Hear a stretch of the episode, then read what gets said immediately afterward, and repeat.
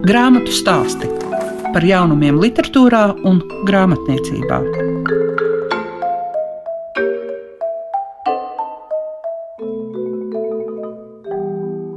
Sveiciens visiem klasikas klausītājiem! Savu skanējumu sāk grāmatu stāsti un tā veidotāja Liega Piešiņa. Šodien sarunāsies ar Valdi Rūmnieku. Viņam iznācis biogrāfisks romāns par Jānis Sudrabkalnu ar nosaukumu Sudrabiņš. Paldies sakot kultūra elpai. Šodien arī spriedīsim par audio un e-grāmatām un legāla un nelegāla satura problēmām. Kā arī dzirdēsit par Artūra Jurkeviča un Džaģanidzes Melhaza grāmatu Abedītais vienogulājs. Grāmatu stāsti tiem, kam grāmatu lasīšana ir vērtība. Šodien grāmatu stāstos mēs atvērsim valda Rūmnieka grāmatu Sudrabiņš, kas ir biogrāfisks romāns par Jānis Sudrabkalnu. Nākot pie tevis ciemos, es kāpu pa trepēm, pa kurām es saprotu, ka ir staigājis arī Jānis Sudrabkalns. Protams, protams, es 21 gadu nodzīvoju blakus dzīvokļos, tā kā viņam bija numur 4 un mani numur 5. Tu arī pirms vēl es ieslēdzu mikrofonu teici to, ka tu ilgi atvairīji to domu rakstīt par sudraba kalnu. Kāpēc? Tāpēc, ka bija tādi viedokļi demokrātiskās brīvestības laikos, ka sudraba kalns ir aizgājušā laika dzējnieks un, un, un nevajag cilāt to un domāt par to un tādā garā. Protams, Aleksandrs Čaks, ko mēs ļoti labi zinām, ir daudz smagāk rakstījis par Staļinu, par padomju armiju un tā tālāk. Bet, Viņam mēs piedevām. Bet mēs viņam piedevām. Un Sudrabkāns būtībā ir uzrakstījis tikai vienu tādu nu, plašāku, neatvairāmi citētu dzējoli, un līdz ar to viņš ir tāds nepelnīti aizmirsts. Brīnišķīgās 20. un 30. gadu miniatūras un dzējoļi, tā ieskaitā arī humoristiskie dzējoļi un, protams, plašas kultūras cilvēks. Vai nav tā, ka šobrīd ar šo grāmatu sudrabiņš tu vienkārši veicini sudraba kalna iepazīšanu vai atpazīšanu? Un, um, man liekas, ka tas ir absolūti tāda svēta lieta, jo mēs varam arī redzēt, kā Inga Žaluda uzrakstot grāmatu par poruku arī ir, nu kā saka, mudinājusi lasīt gribošos papētīt, kāda tad ir tā mūsu kultūras vēsture, literatūras vēsture. Nu jā, poruks attiecībā pret uh, sudraba kalnu ir daudz senāka vēsture. Protams, tur neeksistē padomju laiks un, un tā tālāk. Šajā grāmatā ir gan tādas dokumentāli precīzi datumi, gan arī lietas, kuras saprotu, ka ir izdomātas. Šeit ir dokumentālais ar literāro personību saskārušās kopā. Nu, kā atrast tieši to atslēgu? Nu, es varu oponēt tev, ka diezgan ir uh, konkrētas uh, biogrāfiskās metodes izmantotas, un tajā skaitā arī mani bērnības piedzīvojumi. Nu, labi, bet nu, tas, kur ir tā peldēšanās gaujā vai vēl, nu, tur taču ir pietiekami. Nu, par mūrjāņiem, Inča kalna kroga aspektā es secināju, ka Sudrabkalna tēvs kopā ar mazo puiku ir gājuši konkrēti pie Mūrjāņa tilta. Jo eh, es ļoti labi to apvidu zinu. Tad līdz ar to neiespējami kaut kur peldēties. Iespējams. Kuru laiku bija atklāt vai, vai aprakstīt visgrūtāk? Es domāju, ka 20. un 30. gadus, jo es tur ļoti daudz materiālu vācu, un līdz ar to arī cenšanās bija tādas iejušanās varoņos un tā tēlos. Un tā, tā garām. Vai ir tā, ka daudzas lietas vienkārši atklājās pateicoties vai caur čaku, tāpēc ka čaks arī ir tevis aprakstīts?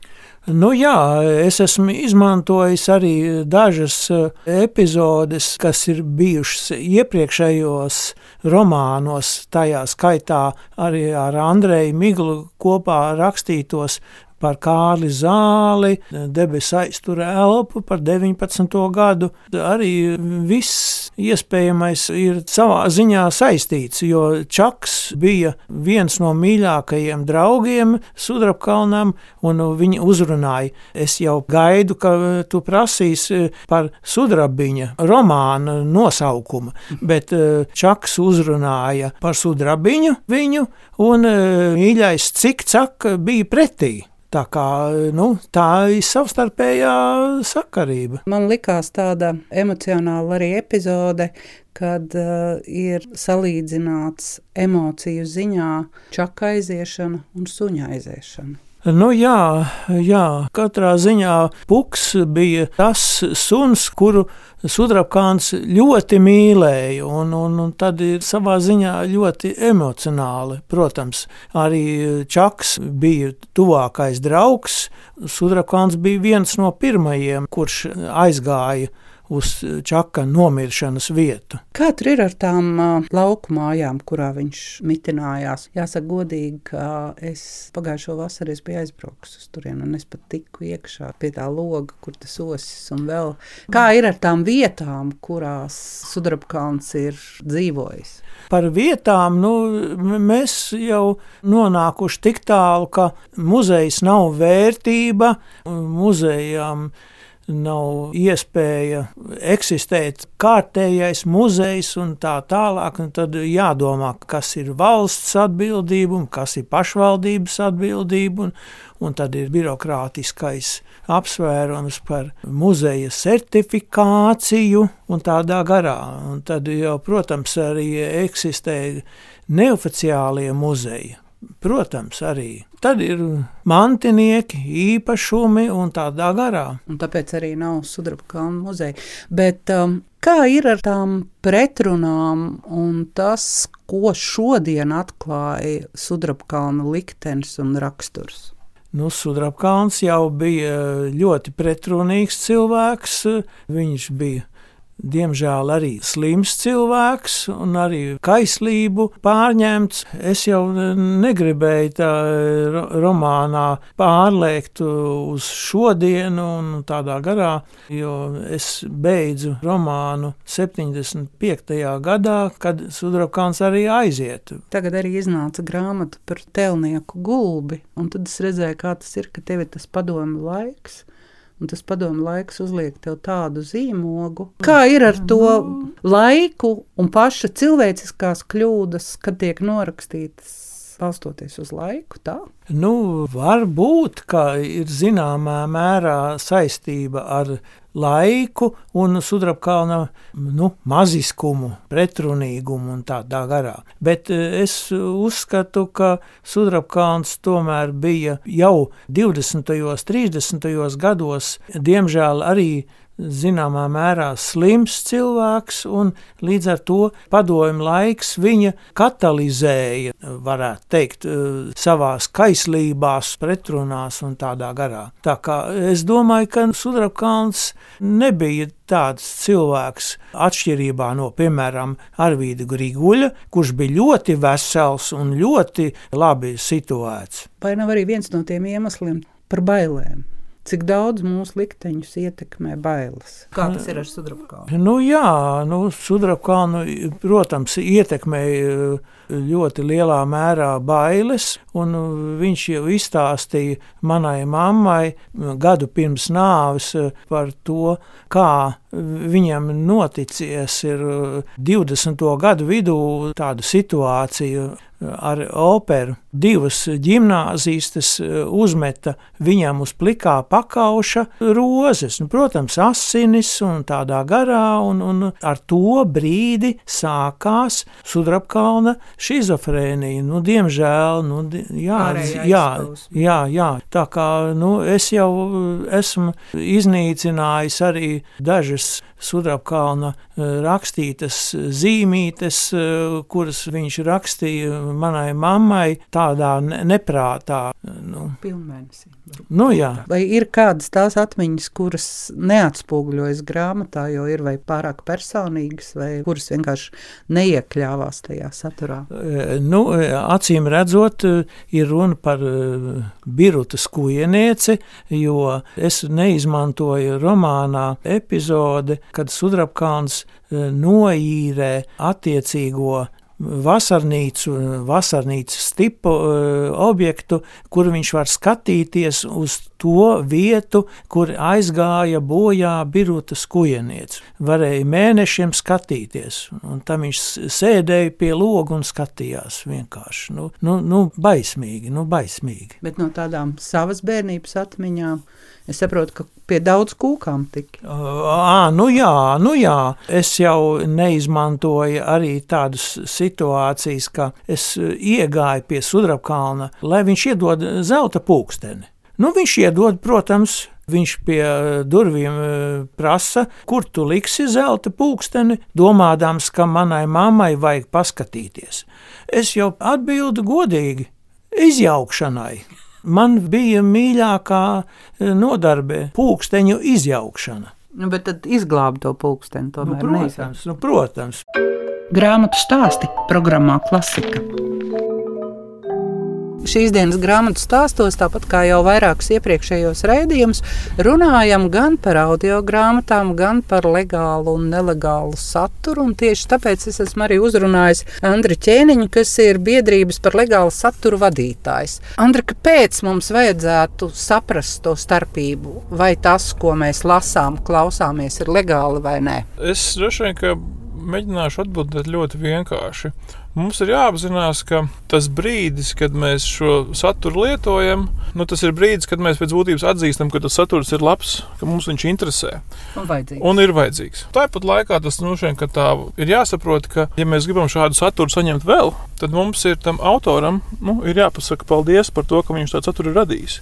Un vienīgais veids, kā mēs autoram varam pateikt, tādā nu, ziņā, paldies, eh, kas viņam ļautu arī turpmāk rakstīt un darboties šajā laukā, ir samaksa par šo darbu. Līdz ar to mums jāsaprot, jebkura reize, kad mēs eh, lietojam vai kāds lieto saturu, kas ir nelegāls, par ko autors nesaņem savu atlīdzību, mēs faktiski apzogam arī sevi. Ne tikai autoru, bet mēs arī sevi apzogam, jo mēs sašaurinam teikt, šo autoru iespējas radīt vēl kaut kādu saturu, kuru mēs labprāt lietojam. Un tas, ka mēs to lietojam, nozīmē, ka mums viņš ir vajadzīgs un svarīgs. Līdz ar to tas ir tas aspekts, kas mums jāsaprot. Tas nav tikai stāsts, ka to, ka mēs tagad iekonomēsim kaut kādu mazu eiro un nesamaksāsim autoram. Mēs patiesībā apzogam gan šo autoru, kurš ir ieguldījis savu darbu, laiku, darba veidošanā, gan arī sevi un tādas nākotnes perspektīvas. Jo skaidrs, ka kaut kādā brīdī tie autori, kas nesaņem atlīdzību, viņi vienkārši nu, nedarīs to, jo viņi vienkārši nevarēs atļauties. Es domāju, tā atbilde ir ļoti pragmatiska. Respektīvi, šai atbildēji vai šīm jautājumam ir tāda pragmatiska puse, kuras tikko izklāstīju. Un es domāju, tas visiem ir jāatcerās, ka mēs apzogam arī sevi šajā brīdī, kad mēs lietojam šo nelegālo saturu. Cilvēki ir dažādi. Citi ieejot un iepērkoties, noteikti paskatīs piena, kefīra vai vēl kā cita derīguma termiņu. Cits paskatīsies, ah, ir uz atlaidēm. Kā lai tas cilvēks, kurš lieto vai klausās vai lasa, spēj konstatēt to, ka tas ir legāls vai nelegāls saturs? Teiksim, es viņus saucu par zagļiem un krāpniekiem. ir zagļi un krāpnieki, kas noteikti ir iemācījušies nu, piedāvāt šo piedaņās pakalpojumu ļoti smuki ietērptu. Droši vien, kad ir gadījumi, kad lietotājiem ir grūti atšķirt, vai viņš ir atvēris tā teikt legāli vai nelegāli. Bet pirmais droši vien būtu tas, ka ir rekomendācija izmantot Latvijas saitus Latvijas izdevniecības. Visām Latvijas izdevniecībām ir savas no mājaslapas, kurās ir pieejams šis legālais saturs. Bet mums ir Nacionālās bibliotekas, krātuves un arī trīs brāļi. Un ir vēl daudz citas vietnes. Un ir šie vispār zināmie, populārie starptautiskie spēlētāji, kas piedāvā arī grāmatas, tā teikt, angļu valodā vai citā valodā, kas ir legāli iegādājams. Un tad, ja mēs skatāmies kaut kādus nu, kas ir ārpus tā, ko es nosaucu, tad droši vien tur vajadzētu paskatīties, kas tas, tas ir, kāds legāls izcelsmes vai nav. Protams, ka saka, ir zagļi, kas to smuki māki ietērpt un uztaisīt, kad nu, mēs neatšķirsim. Bet um, vienmēr, ja mēs gribam lietot Latvijas grāmatas, tad vienmēr jāskatās, vai aizmugurē ir tas .lv, jo tas, tas ir droši vien viens veids, kā redzēt. Protams, ka tas arī nav garantija. Arī to droši vien kāds mākslinieks. Tad es tiešām aicinātu vienkārši lietot tās Latvijas izdevniecību mājaslapas, kur tas saturs ir, ir pieejams. Bet lielākoties jau šī sāpe un šī problēma ir saistīta ne jau ar drukātajām grāmatām, bet tās ir tās, kas ir interneta vidē, vai ne? Jā, protams. Šobrīd mēs runājam par e-grāmatām un par audio grāmatām. Tas, jā, tas ir tām iespējām digitāli lietot šo saturu. Vai izdevniecības arī prasa padomu vēl, lai varētu šīs problēmas risināt? Jā, grāmatu izdevēja asociācija um, ir arī kļuvusi šogad biedrības par legālu saturu biedru. Un mēs kopā strādājam pie dažādām iniciatīvām, gan pie likuma grozījumiem, gan arī pie sabiedrības informēšanas, teikt, kaut kādām kampaņām un, un, un, un aktivitātēm. Lai ne tikai būtu kaut kāds, kā lai saka, tādi likuma ietvars šai darbībai, kas varētu tā, palīdzēt ierobežot šos nelegālos darboņus, bet arī mēs kopīgi varētu veicināt to sabiedrības izpratni par tām problēmām, kas radās saka, ne tikai šiem autoriem, bet arī šiem patērētājiem, ko jau es minēju. Bet ir vēl aspekti, piemēram, kad um, ja mēs lietojam šo saturu no nelegālām vietnēm ir ļoti liela varbūtība, ka mēs inficējam savus lietotnes, vienalga, vai tas ir dators vai, vai tālrunis vai kāds cits uh, rīks, ar ko mēs to izmantojam. Tur ir iespējas inficēt, tas nozīmē, ka mēs varam šo lietotni sabojāt. Mēs varam, vai tur iekļūstot kādam vīrusam, mēs varam pazaudēt to informāciju, vai kāds viņu var nozagt. Tā kā tur ir vēl šie blakus efekti, kurus varbūt nemaz sabiedrība neapzinās, kas tur veidojās. Līdz ar to tas mūsu uzdevums un arī grāmatu izdevēja uzdevums visiem kopā ir runāt ar sabiedrību un arī stāstīt visus aspektus, gan autoru, gan, gan savus, gan arī šos drošības aspektus.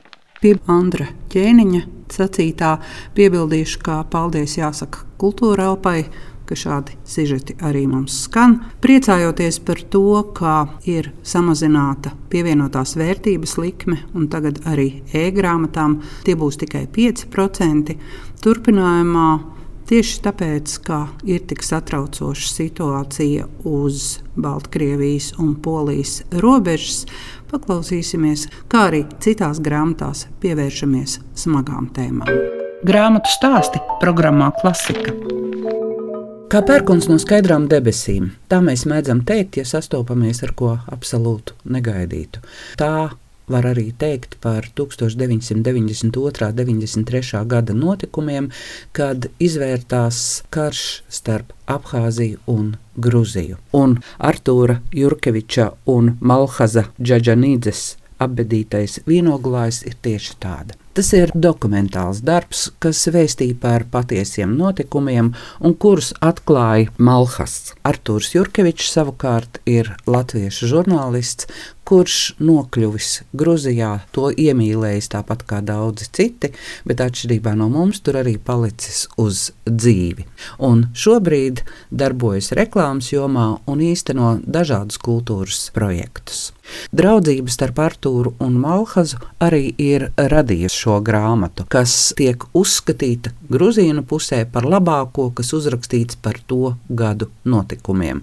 Jo arī vēstot par skumjiem un traģiskiem notikumiem, netiek zaudēta humora sajūta. Un tieši tāds ir šis romāns, kurš atspoguļo par veselu paudzi, kuras likteni apzīmogojas Gruzīnu, Abhāzu karš. Izlasot, ir jādomā par to, kā cilvēkus, kas gadu desmitiem bija dzīvojuši kopā vienā mirklī, kļuva par nesamierināmiem ienaidniekiem, kas to panāk. Un ka daudzi šajā karā neizdzīvoja, un daudzi savukārt bija spiesti pamest savu dzimto pusi, viņu vidū arī grāmatas varonis Malhas. Un tad ir stāsts arī par pāri darījumu, vai to var aizmirst, kā tas ietekmē cilvēkus vēlāk. Tāpēc arī Arthurs Jurkevičs nolēma savulaik šo stāstu iemūžināt grāmatā. Man liekas, ka aizraujoša šī grāmata šķiet arī tāpēc, ka tā ir dvēseli saviļņojošas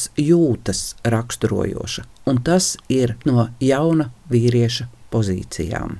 Sadzīviskās ainas, kuras parāda arī cilvēku brīžumu šarpo, kašķīgo, labsirdīgo raksturu, ļauj it kā aizmirst arī tās šausmas vai nelaimi, kas tajā brīdī atrodas līdzās šiem cilvēkiem, bet nākas arī izlasīt rindas, ka karš nogalina divas reizes - vispirms varoņus un tad arī varonību. Šīs dienas raidījumā dzirdējāt par Valda Rūmnieka sudrabiņu, biogrāfisko romānu par Jāni Sudrabkalnu, pievērsāmies audio un e-grāmatu legāliem un nelegāliem aspektiem, kā arī dzirdējāt par Artūra Jurkeviča un Džeģanīdzes Melhaza apbedītais vienogulājs. Visu labu jums saka Liega Piešiņa. Grāmatu stāsti par jaunumiem literatūrā un grāmatniecībā ik trešdienu, 9.5. ar atkārtojumu Svētdien, 18.15.